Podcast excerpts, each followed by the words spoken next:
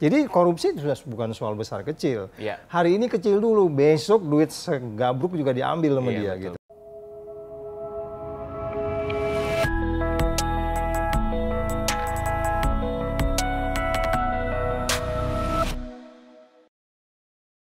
Welcome to Cameo Project. Langsung pencet tombol subscribe tombol yang merah itu. dan pastinya jangan lupa pencet tombol lonceng biar dapat notifikasi. Cus. Ya, kembali lagi di POV KPO Project. Sebentar, sebentar, sebentar. Biasanya kan ada hebohnya, hei gitu.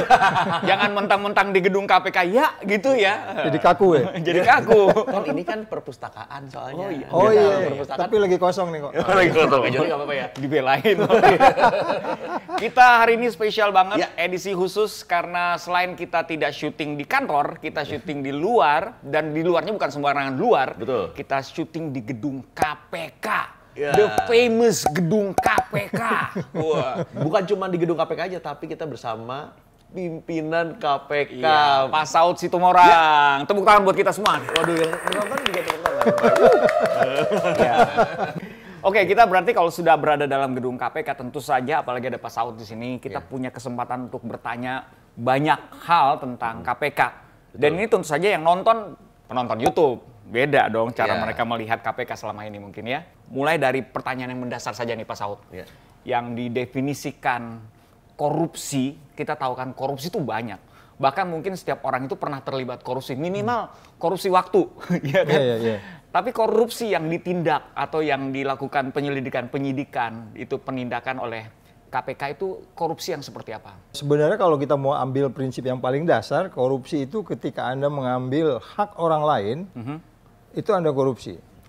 Jadi kalau hak orang lain untuk tidur jam 11 malam dengan nyenyak, kemudian kamu masih main gitar-gitar di tetangga, itu juga udah korupsi sebenarnya. Betul. Nah oleh sebab itu kalau di negara-negara maju jam 11 ke atas kita telepon tetangga saya masih dengerin musik-musik tuh polisi datang. Oh ya. Yes, itu polisi datang. Saya sering Karena ditelepon. mengambil hak orang lain. hak orang lain gitu loh. Nah, jadi sesimpel itu. Tetapi karena kemudian KPK ini dia harus jadi trigger mekanisme. Jadi pembuat undang-undang itu udah menghayal KPK itu sebenarnya dibentuk karena penegak hukum yang lain belum kerja. Iya. Jadi kalau gitu dibagi kerja. Muncullah angka satu miliar. Jadi korupsi itu sudah bukan soal besar kecil. Iya. Hari ini kecil dulu, besok duit segabruk juga diambil sama Iya, dia betul, gitu. betul. Nah, oleh sebab tapi karena memang KPK udah dibatasi, kami akhirnya masuk di pintu pencegahannya. Makanya KPK selalu dari lima tugas utamanya itu masuk-masukin orang ke mana tuh? Ke bilik suara atau mana? Ya, maksud, ya, ya itu kan cuma satu. Ya. Tapi yang lainnya koordinasi, supervisi, monitoring, pencegahan. Ini ini sebenarnya lebih kepada ngurusin yang kecil-kecil itu. itu di bagian di pencegahan. berarti. Pencegahannya, ah, gitu. Berarti ini mungkin pertanyaan yang sering dijawab oleh Bapak berkali-kali ya. Karena pasti tuduhan tebang pilih itu tidak pernah berhenti. Atas dasar apa eh, suatu kasus itu menjadi diprioritaskan sebenarnya sih Pak? Ini buat penonton Atau itu mungkin kalau sekarang kan lebih lebih apa namanya populer dengan OTT. Ya, jadi sebenarnya karena memang ada satu deputi bahkan yang bertanggung jawab terhadap eh, pengaduan masyarakat. Jadi ada setahun tuh ada 7.000 surat. Ibu. Ya, 7.000 surat, ya. 7.000 surat itu 30% tuh punya potensi loh. Wow. Jadi bayangin kalau 30% punya potensi, sebenarnya KPK kalau cukup orang sehari itu bisa menjarakan lima orang sebenarnya. Ya kalau kalau 70 ribu, eh 7 ribu, Iya. ambil 30 persen, 30 persen dibagi 365 hari, Iya. itu ketemu angka 5. Jadi sehari itu kita harusnya bisa menjari orang 5 sebenarnya, kalau lihat dari itu. Kenapa saya mendadak pusing ya Pak? Ini normal atau emang saya membayangkan 7.000 surat, satu surat aja ditindaklanjuti nggak semudah itu kan? Yes. Maksudnya Iya, kan betul. harus ada penyelidikan, Nah, penyidikan. itu yang susahnya di situ. Makanya muncullah tadi tebang pilih, Pak Iya, Saud iya. pilih-pilih kasih. Bahkan menjelang pemilu Pak Saud itu hanya nangkepin calon yang satu katanya begitu kan itu muncul. Kan ada maksudnya bukan Saud KPK gitu ya. Nah, itu yang kita maksudkan bahwa memang gak gampang untuk melakukan penyelidikan.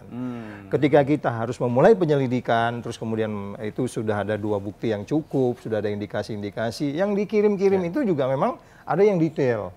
Ah, Oke. Ada yang bakal eh, spouse-nya ngirim itu duit di, di kamar, di foto gitu. Iya, Mungkin iya, sebel iya. kali ya.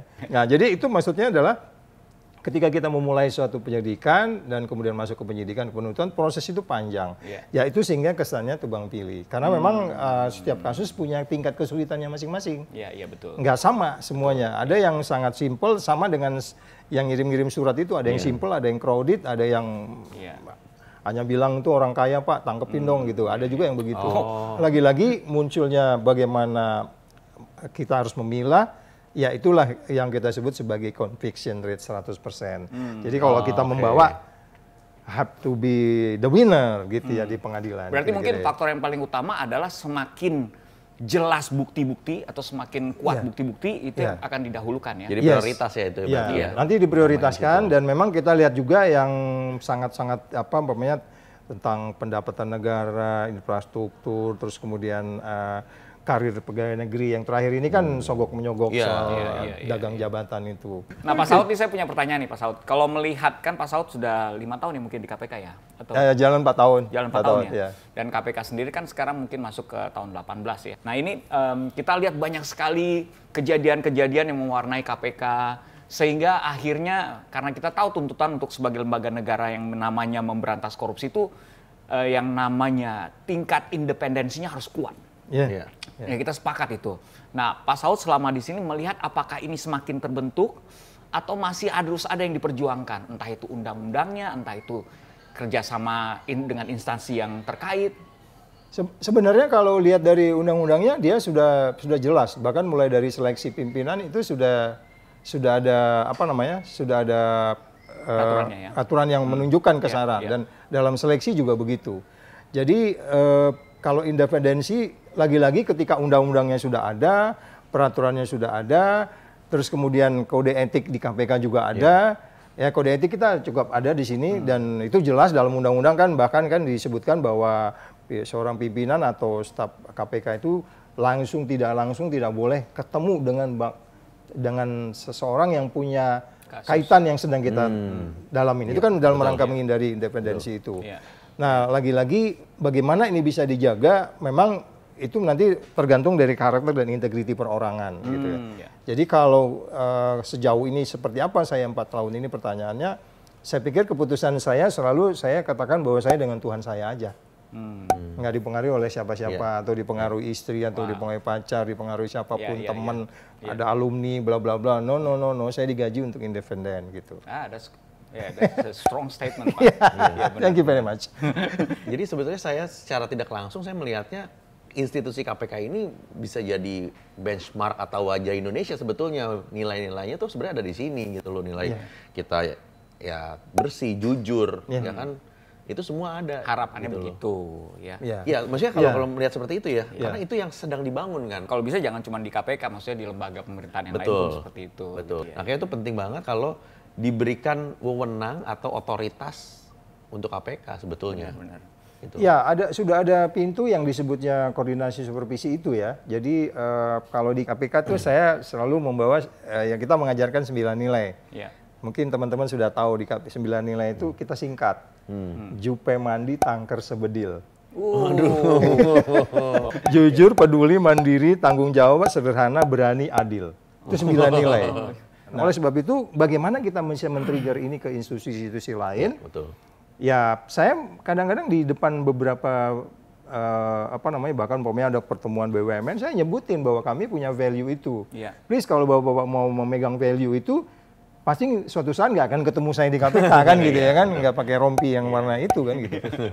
Nah itu sebabnya betul pertanyaannya bahwa bagaimana kita bisa men-trigger karena itu perintah undang-undang, bagaimana kami bisa men-trigger semua penegak hukum, eh, kementerian, lembaga, pemerintah daerah.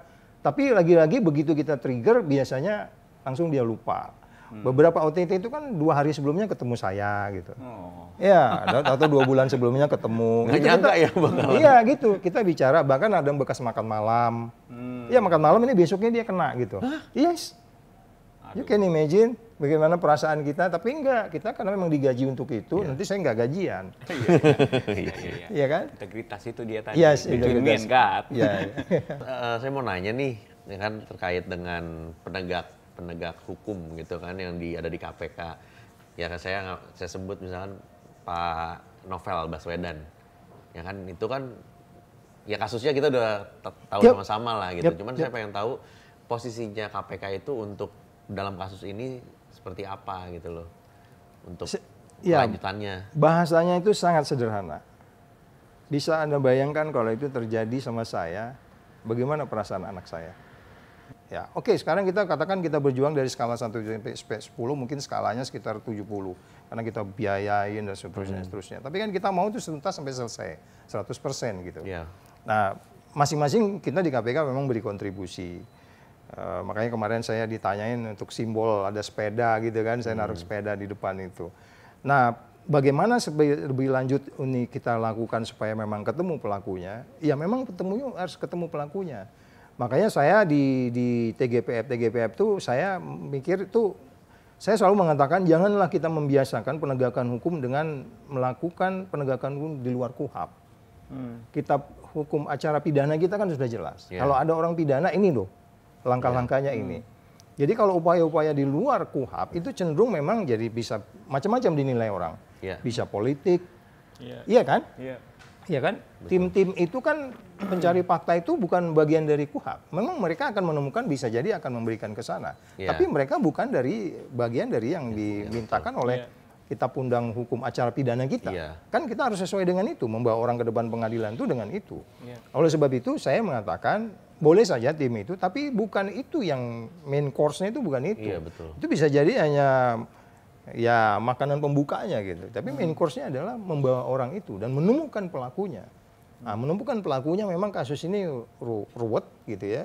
Karena memang nggak ada indikator sedikit pun dari dari wajah dan seterusnya. Tapi kemudian tidak ada kejahatan yang sempurna, itu pasti. Makanya mungkin ini soal waktu kalau saya bilang. Jadi pelan-pelan dicari sama dengan KPK kadang tujuh tahun baru ketemu. Tapi yang paling penting ada pr- proses tahapannya, betul. ada proses tahapan kemajuan dan nggak boleh berhenti gitu. Iya. Otherwise orang takut nanti Iya. bekerja di KPK, Iya. ya kan? Betul, dampaknya ke situ. Iya itu dia. Iya benar. Tapi memang ada satu kesulitan dalam hal misalnya kita tahu dalam pencegahan mungkin salah satunya tindakan pencegahan kita kan pasti uh, apalagi kalau kayak KPK ini kan harus mensosialisasikannya baik itu ke masyarakat, ke sekolah segala macem, Iya. ya kan. Cuman pertanyaannya adalah pendekatan apa yang dipakai karena ini kan mengajarkan orang untuk tidak korupsi. Apakah kita harus mengajarkan lewat pendekatan agama? Bagaimana nih cara uh, KPK selama ini melakukan sosialisasi ini? Ya, jadi semua media kita gunakan dan kalau menurut undang-undang itu KPK harus masuk di semua jenjang pendidikan. Jadi saya mendongeng di depan PAUD, PAUD yang baru belajar jalan terus diajak dongeng, ya kan? Apalagi di TK, SD, SMP sesuai dengan jenjangnya. Jadi kalau nanti sudah mulai SD sudah mulai bikin gambar-gambar, ya kan? Nilai-nilai sembilan nilai tadi itu terus kita bikin film kartun, ya. Terus bila anak-anak yang mulai SMP bisa ngelihat ada tokoh yang kita bangun, Panji, KPK, Kirana Panji Krisna disingkat tokoh. Jadi, nah Kemudian eh, yang agak lebih lebih apa namanya lebih sistemik itu kita bikin MOU dengan Kementerian Pendidikan dan Kebudayaan, Pendidikan Tinggi, Kementerian Agama, Kementerian Dalam Negeri. Bagaimana eh, kurikulum ini? Apakah memang pelajaran itu bikin satu pelajaran anti korupsi atau dimasukin di dalam pelajaran PPKN atau pelajaran apa pun? Ya terserah. Nah, oleh sebab itu kalau kita bicara bagaimana kita bisa me- mensistemikan pelajaran membangun behavior ini kan ini Iya. korup korup ini Iya. kan korup mannernya behavior betul, kan betul. Ah, mengubah behavior ini yang agak agak susah ketika kemudian mereka kalau sudah besar makanya banyak teori-teori kita pakai juga dengan di anti corruption learning center kita SCLC ini nanti akan membahas itu bagaimana kita lebih membuat beberapa apa namanya model-model sistem terus kemudian eh, cara-cara kerjasamanya Ya. Akan ada banyak penelitian-penelitian untuk itu, tetapi sejauh ini semua jenjang pendidikan, semua eh, kelembagaan, Ya. baik itu swasta, di swasta bahkan ada yang namanya kita bangun profit, profesional berintegritas. Bagaimana sebenarnya orang eh, berbisnis dengan baik. Karena ada orang bilang, Pak Saud, kita bikin SIM aja susah, katanya gitu kan. Bagaimana kita mau bisa? Saya bilang enggak. Kamu pertahankan, itulah integriti itu. Sampai berapa kali ujian? Pak Saud 20 kali ujian kan capek saya. Enggak, sampai kamu setia saja. Sampai kapan? Siapa yang capek? Lu atau yang ngasih SIM itu yang capek? Kan gitu kan? kan seharusnya begitu kalau bicara Ini integriti loh. karena capek. Iya kan? Bapak ini lagi. Nah. Integriti itu itu sebenarnya. Iya, Ya harusnya setia sampai di ujung akhir hayat kita kan gitu kan. Kalau semuanya kayak gitu, wah ini paten nih negeri kan gitu kan. Iya. Iya. Tapi kan kembali lagi, kenapa ada orang harus bayar cepet, saya nganti nggak cepet. Nah inilah isunya keadilan Betul, tadi. betul. Makanya kemarin ada beberapa perizinan-perizinan yang kita akhirnya kejar, dipertanyakan kita, wah bapak ini bicarakan izin yang itu konstruksinya terhenti gara-gara bapak. Hmm.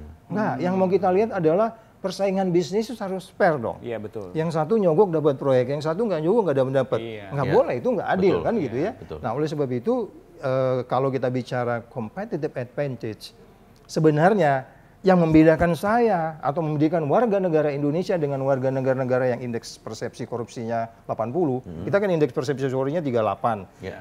nggak lulus kali itu ya kalau 38 kan itu kan sender banget. Nah bagaimana kita bisa menaikkan ini adalah dengan tadi itu bahwa sebenarnya kita bisa bisa menaikkan nilai angka dari 38 ke 85 negara-negara yang udah maju yang sudah permanen eh, apa namanya itu eh, sistem hukumnya Iya. ya itulah yang membedakan saya dengan negara lain gitu. Betul. Jadi justru jangan dianggap itu sebagai sebuah yang kalau saya tidak korup, Pak, saya nggak dapat kerjaan. Nah, persoalannya kembali lagi, KPK harus menjaga semua orang dikasih kesempatan yang sama. Betul. Iya. Betul. Itu yang susah, Betul. yang dilakukan oleh sekian ribu orang. Mungkin nggak sih kalau ya kita itu eh, masyarakat berproaktif untuk memberi tuntutan kepada pemerintah, kepada KPK, gitu supaya pemerintah juga memberikan otoritas buat kita juga bisa berproaktif. Misalnya contohnya, contohnya nih, em, kita tadi saya lihat whistleblower. Hmm. Whistleblower. Hah. Kenapa tidak misalkan ya? Kenapa tidak mm, kita menjadi whistleblower? Ya, ya. Dan itu di, dilindungi oleh pemerintah. Yes, KPK Tapi- juga melindungi. Kan koruptor jadi lebih takut sebetulnya. Bukannya sudah ya itu Pak? Sudah, ada. sudah. Nah, tapi maksudnya gini, jadi benar-benar harus lebih masif lagi. dipublikasikan. Ya. Kita bisa bisa menjadi whistleblower dan Yes. ada rewardnya. Yes, ada. Ada rewardnya dan kita dilindungi. Ya. Itu satu. Kedua, apakah mungkin hukumannya benar-benar yang bisa bikin jerah atau takut? Jadi gini, sebenarnya eh, apa namanya eh, KPK memang memproteksi semua orang yang yang mau membantu kita. Dari 7.000 itu kan itu semuanya umumnya orang kita lindungin.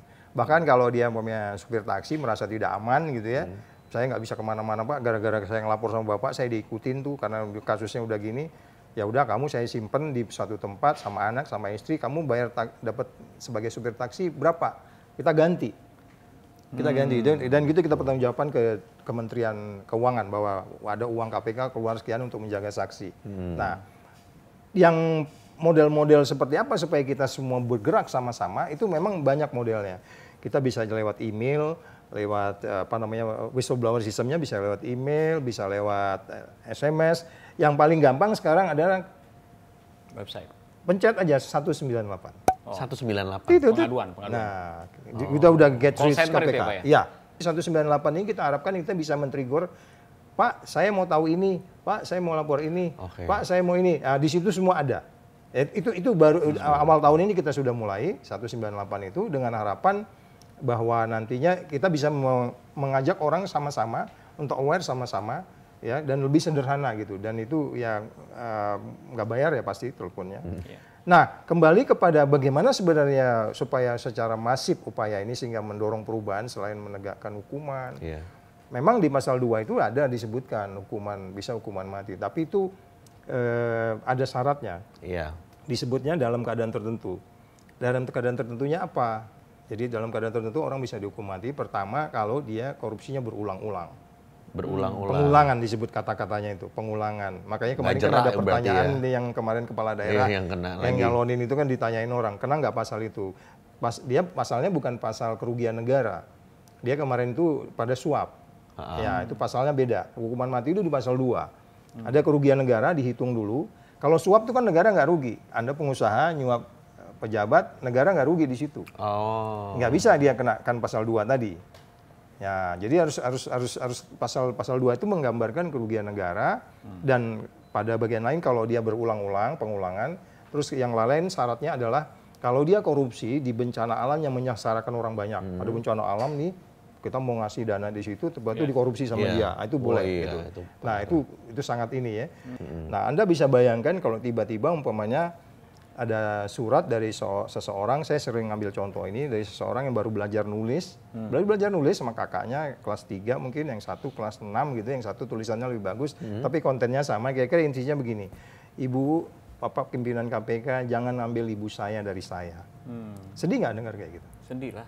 Kita akhirnya kalau tadinya wah dia gimana gimana gimana gitu kan. Jadi makanya orang bilang kok Pak Saud kadang-kadang hukumnya rendah banget gitu kan. Jadi kadang-kadang kan begitu.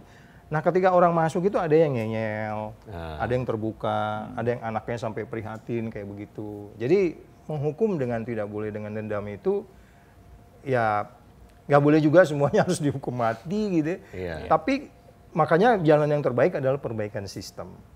Nah ini kita mau nanya juga soal ini Pak. Ada satu kegiatan yang menarik yang eh, ternyata bukan pertama kali KPK sudah melakukan ini udah Lima tahun ke- kali kayaknya. kelima ya tahun kelima ya. Iya, tahun Itu. X-Fest tuh. Oh ya, Bapak apa itu X-Fest tuh? Anti-Corruption uh, uh, Film Festival. Pastilah audiovisual itu akan banyak pengaruh, iya. mem- uh, apa namanya, apa namanya di dalam me- melakukan pencegahan ataupun menge- mengedukasi masyarakat.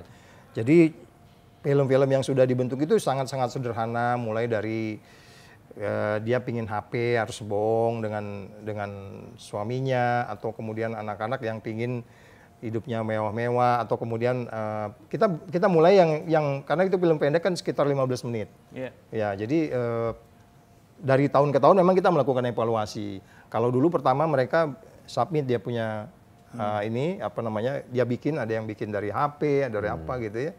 Kalau sekarang itu kita bikin eh, kita buat lagi lebih lebih maju lagi eh, ada coaching klinik, kemudian mereka nulis, kemudian kita nilai, terus kemudian kita juga membantu dananya, dana produksinya.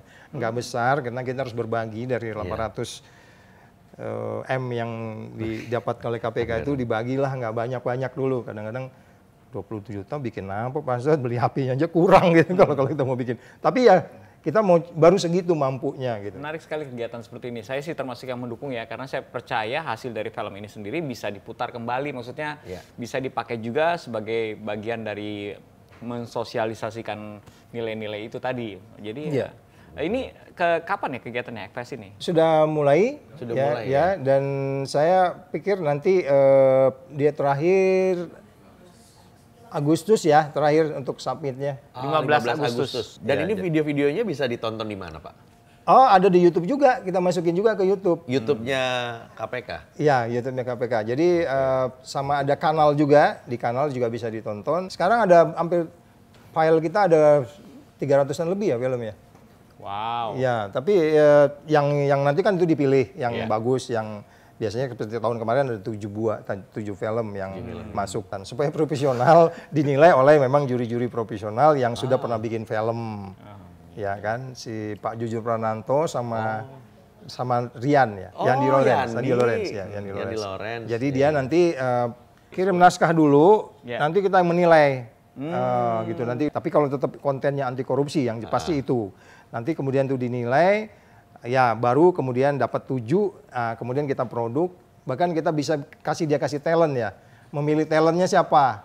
Bisa. Tapi itu berarti submit naskahnya ya? Iya, Submit iya. naskahnya sampai tanggal 15 Agustus. Saya saya titik beratnya adalah semangat partisipasinya untuk melawan korupsi ini Iya, itu. iya. Jadi kita punya sense of belonging gitu loh. Iya, Nih mungkin ada yang ingin disampaikan Pak Saud untuk anak muda yang menonton. Generasi berikutnya. Iya. Iya, sebenarnya integritas atau integrity yang by definition yang sembilan nilai tadi itu, jujur, peduli, mandiri, tanggung jawab, berani, adil, sederhana dan seterusnya. Itu sebenarnya adalah nilai-nilai yang sebenarnya itulah yang membedakan anak dengan antum. Ini gitu-gitu ya kan. Itulah yang membedakan saya dengan kamu. Jadi jangan dianggap bahwa kalau saya jujur itu melemahkan saya. Iya. Itu yang sangat-sangat sekarang saya khawatir. Eh, sederhana itu apa bukan ber- apa apa bukan berarti kita harus ngikuti perkembangan zaman kalau enggak nanti kita enggak akan itu sesuai dengan kemampuan gitu. Jadi artinya menjabarkan setiap nilai tadi, nilai jujur pun kadang-kadang bisa diperdebatkan. Tapi sebenarnya setiap kita paham sembilan nilai itu kalau kita jalani dan itu yang diajarkan oleh Tuhan sama kita, ya kan? Saya mengatakan makanya selalu kepada anak-anak tuh di kelas pinter saja tidak cukup. Iya. Ya. Yang paling penting itu adalah integritas. Karena apa? Di dalam integritas itu ada Tuhan di dalamnya. Betul. Iya dong. Ketika Tuhan ada di dalamnya, pasti kamu akan hidup menghargai orang, sayang sama orang, tidak mengambil yang bukan haknya dan seterusnya. Jadi integritas itu menjadi penting dan saya pikir ada tanggung jawab kita juga KPK menjaga integritas itu. Kalau bahasa sederhananya kami selalu mengatakan kami datang ke daerah untuk menjaga orang-orang baik di daerah. Yes, itu orang-orang kepala daerah itu tadinya orang-orang baik. Minimal ketua OSIS dulu dia. Ya nggak? Iya, iya. Iya dong, ketua OSIS sudah baca proposal juga kan kita dulu kan, ya kan, nggak punya training. Nah oleh sebab itu menjaga orang-orang baik itu, menjaga orang-orang tetap berintegritas itu tugasnya KPK. Dan jangan juga dianggap KPK ngurusin yang kecil-kecil gitu, no. Sesuatu dimulai dari yang sangat sederhana, kira-kira gitu. Ya, terima kasih Pak Saud. Nih, jadi pesannya sudah jelas ya. Dan kita juga harus jadi uh, komponen yang turut mendukung lembaga KPK ini. Karena tentu saja bersama masyarakat lembaga ini menjadi semakin kuat. Oke, thank you for watching. Ya, thank you. Jangan Ya, lupa like, share, komen, and kalau belum subscribe, harus subscribe. Dan juga subscribe ke channelnya KPK. KPK, KPK. Ada di description. Ya, yang mau ikutan masih ada kesempatan ya. Coba dikirim sekarang proposalnya. Oke? Oke, kalau gitu. Ya, terima kasih Pak Saud. Ya sama-sama. Waktunya. Ya, terima kasih. Ada beberapa menit dikelilingi oleh orang-orang hebat. Aduh, terima kasih. Martin yang hebat.